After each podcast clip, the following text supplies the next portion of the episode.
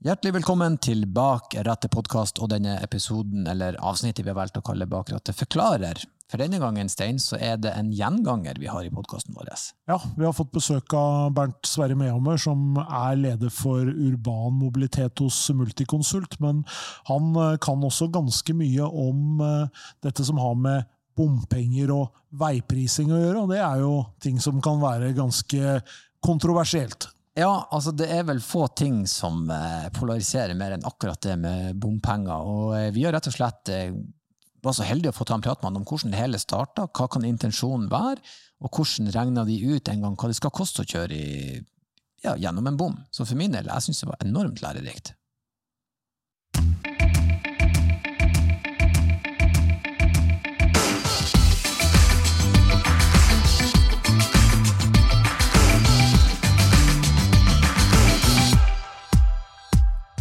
Ja, hjertelig velkommen tilbake igjen, og takk for sist, Bernt Sverre Ehammer.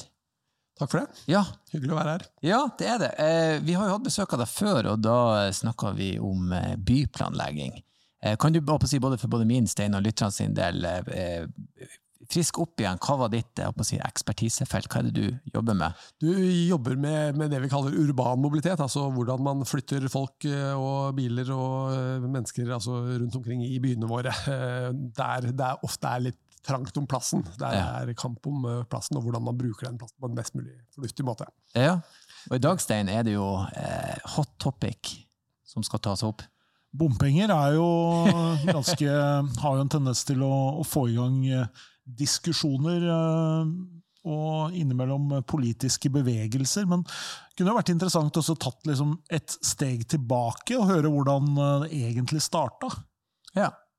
Det er faktisk en bra plass å starte. så eh, Bernt Sverre, Kan du fortelle oss når starta det, og egentlig hvorfor?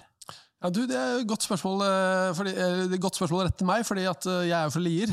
Der vi hadde var hjemme hjemstedet til Kjelstadbommen, som mange har hatt gleden av å legge kronestykker oppi. Det kosta jo veldig lenge fire kroner å kjøre gjennom den Kjelstadbommen.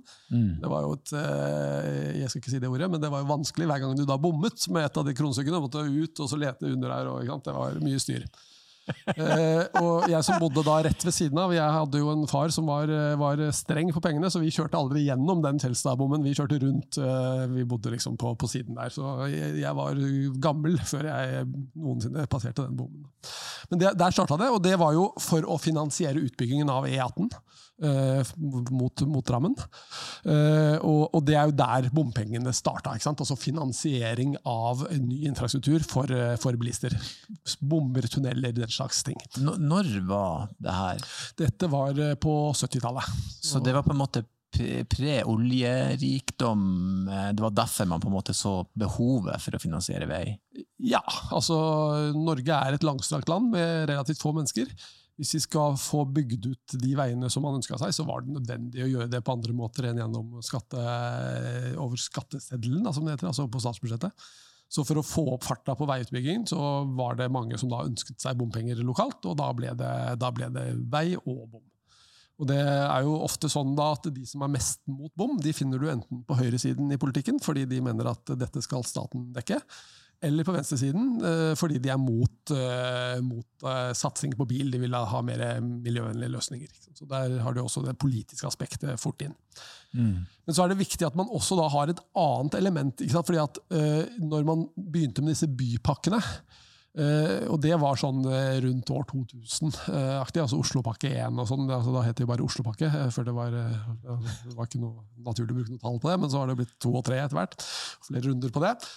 da da starta man jo med en annen måte å kreve inn bompenger på, altså, som ikke var knytta opp mot et enkeltprosjekt, men om å bygge opp mobilitetssystemet i en by. Og Da man, begynte man også å bruke bompenger til andre ting enn veibygging, altså til utbygging av kollektivtransport og tiltak for syklende og gående.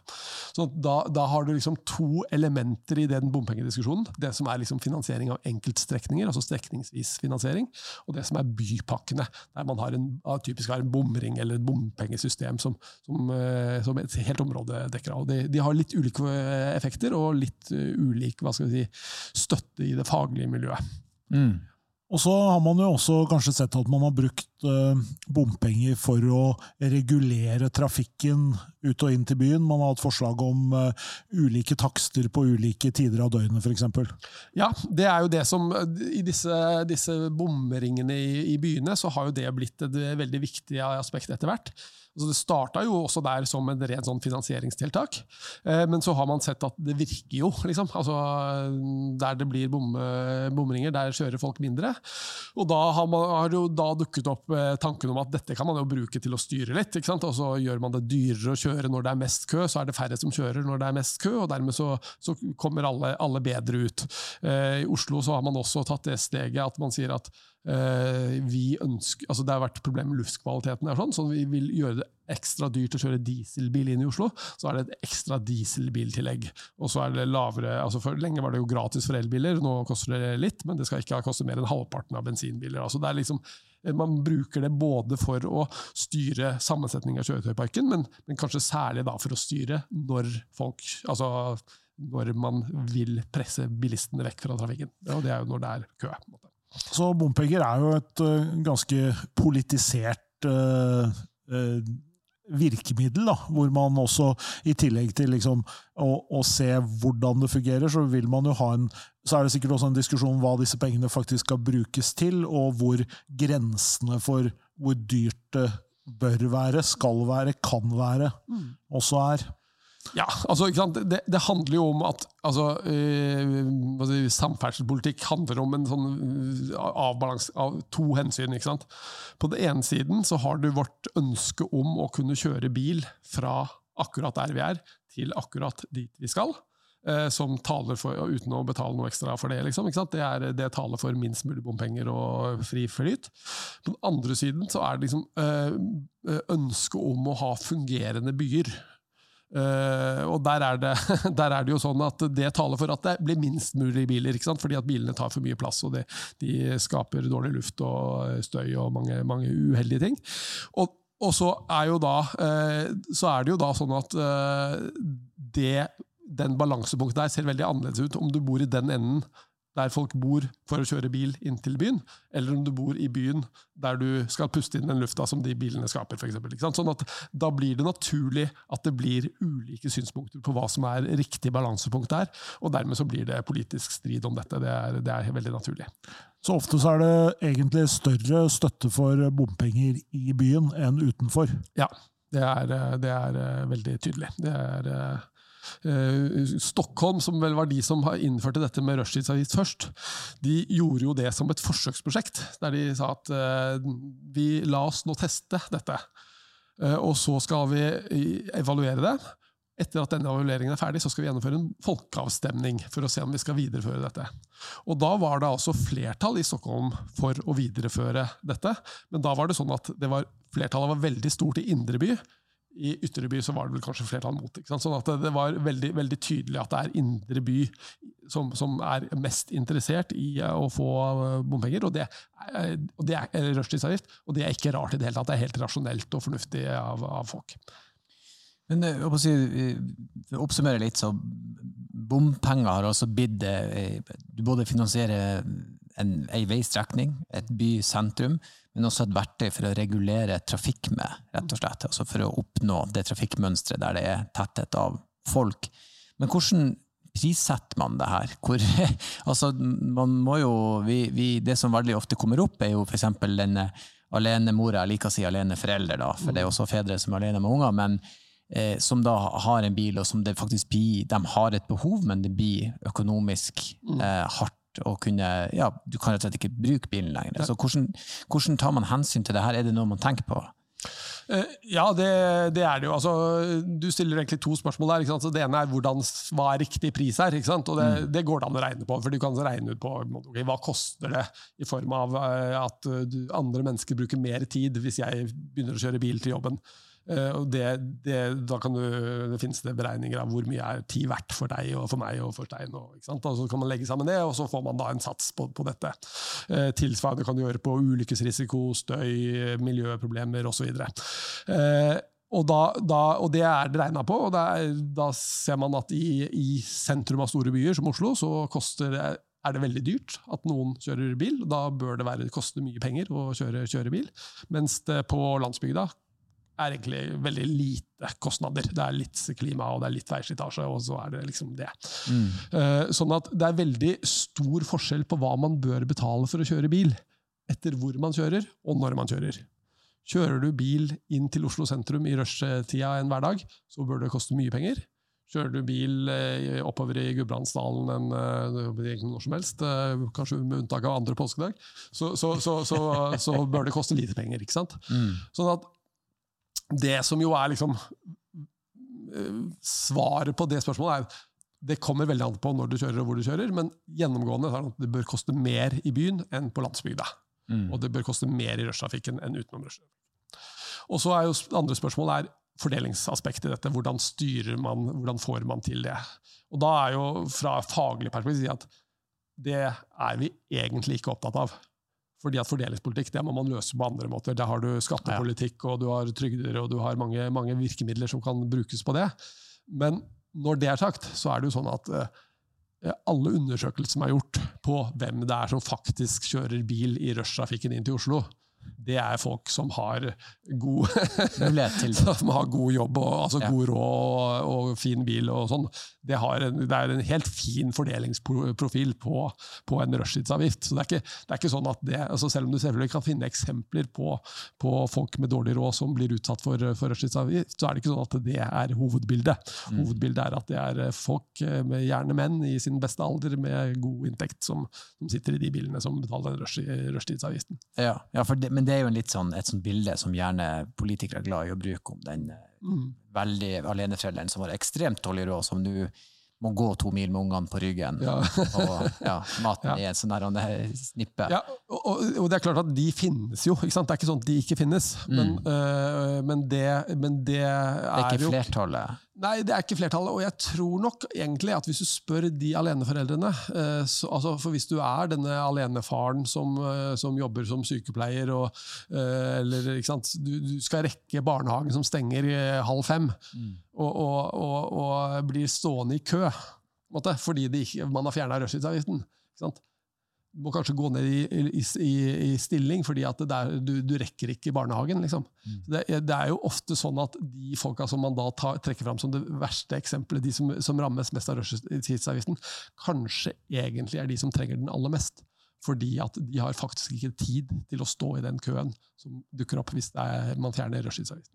Du, du sa noe om det helt sånn innledningsvis. Du har liksom to steile fronter mot. Da. Du har de som mener at dette skal staten dekke i sin helhet. Hvis man ser bort fra oljefondet og ser på statsbudsjettet som det blir satt opp, hvor realistisk er det en gang at alt skal finne av vei og bypakker skal finansieres av eh, eh, stat, og, hvor, og hvordan skulle man da alternativt ha regulert trafikken?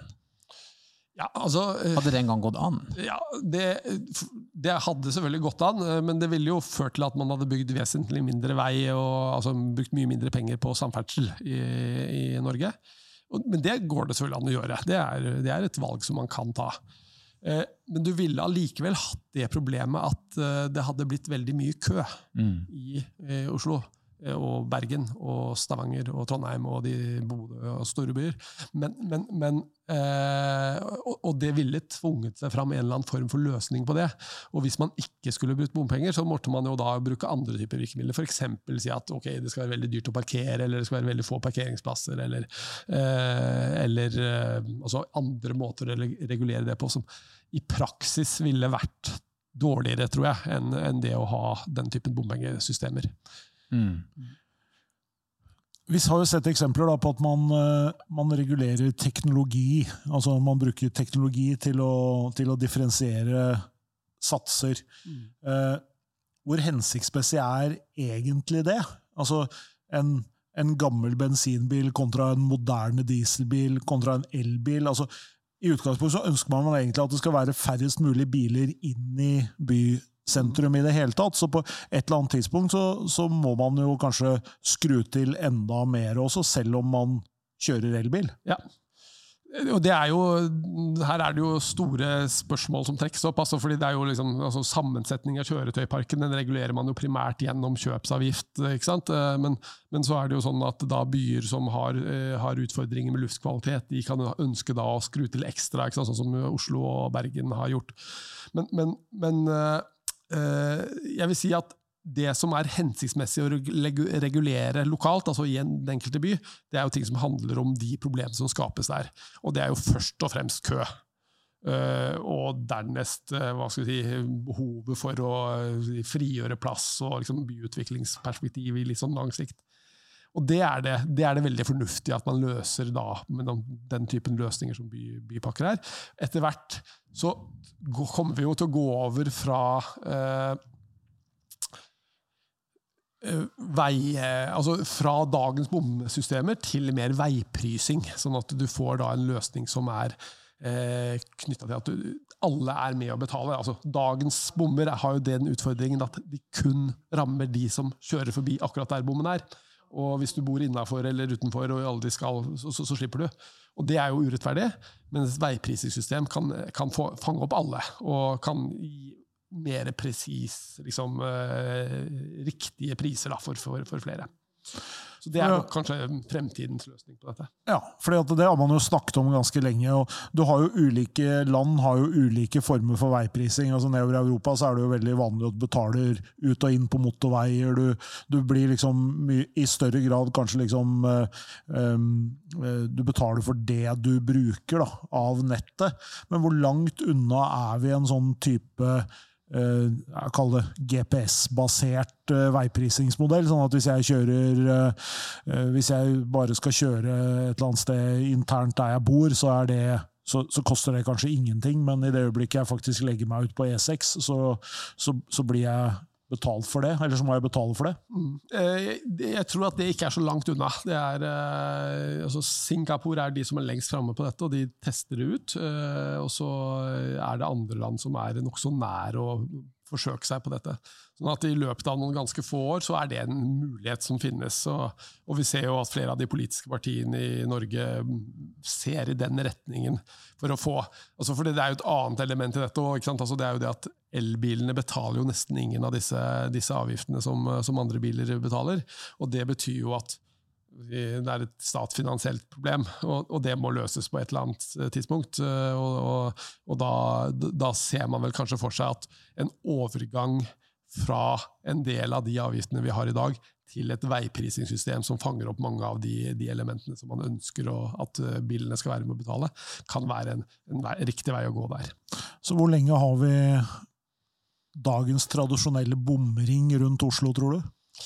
Eh, den eh, Ja, eh, de, de, blir jo reforhandlet hvert fjerde år. sånn at jeg tenker at ved neste reforhandling så kommer det til å komme en bestilling på å utrede dette, og så kommer man til å teste ut det i løpet av den neste fireårsperioden igjen. tenker Jeg Jeg vil tro det er en løsning som veldig mange vil ønske velkommen. At du, at du har en, en, en bompengebrikke med en GPS som, der du betaler for det du faktisk reelt sett kjører. Det er jo en veldig sånn, solidarisk måte å gjøre det på, da. Ja, det vil jo også fungere, for vi er jo på en måte en litt sånn utfordrende situasjon når vi snakker om stat og finans også i forhold til bilavgifter. Da, fordi mm. det, det, vil jo bli vanskelig å tilbakeføre det avgiftssystemet som man har, basert på den argumentasjonen som man brukte, har brukt for det avgiftssystemet man har hatt da, på fossile biler. Det blir jo vanskeligere å, å å legge det og forklare det tilbake på en elektrisk bil. Det, er noen utfordringer der som uh, gjør at man, man sliter litt på, på, det området. Og det, det er klart at uh, det, det, er jo sånn som altså, det veiavgiftselementet som ligger i dagens bensinavgift, f.eks er jo lik over hele landet. Og det er jo klart at det, det, koster mye mer for samfunnet når folk kjører bil i Oslo enn når man er på landsbygda. Og det, er ikke riktig at man har den, den, den, løsningen man har der. Og så løser man noe av dette gjennom de bomringene man har rundt byene, men, men det, er ikke, det er jo en tilpasning som er sånn passe Eh, passer bra. Og vi, fra faglig hold så er vi alltid ute etter å finne de løsningene som virkelig treffer. Da. Og det, det, vil man jo kunne få til da, med en sånn veiprisingsløsning. Mm. Nei, men jeg å si Takk eh, for at du kom innom og vi snakka litt om eh, bompenger. Det her er som sagt, Folk har mye følelser knytta til det her, og jeg regner med å si, så Den siste løsninga presentert tror jeg mange vil ønske hjertelig velkommen. Eh, igjen, takk for at du kom innom. Eh, vi vil oppfordre folk som hører på, til hvis dere har videre spørsmål, og vi håper du kommer tilbake en, kanskje både en tredje og en fjerde gang for å diskutere det her. Er jo mange ting. Så send gjerne inn da tilbake rattet at bos.no. Og så, eh, ja Takk for at du kom på besøk igjen. Alltid hyggelig å snakke med dere.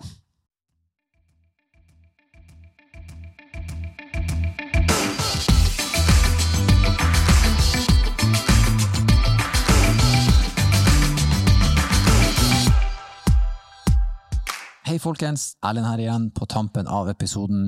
Vi håper dere syns eh, denne episoden ga dere litt innsikt, ga dere noen svar, og hvis det er andre ting dere vil vi skal gå dypere i, som dere vil gjerne ha svar på, så glem nå endelig ikke av at dere kan sende oss en e-post. Bak rattet at bos.no, så skal vi ta tak i det. Takk for at dere lytta, og kjør forsiktig.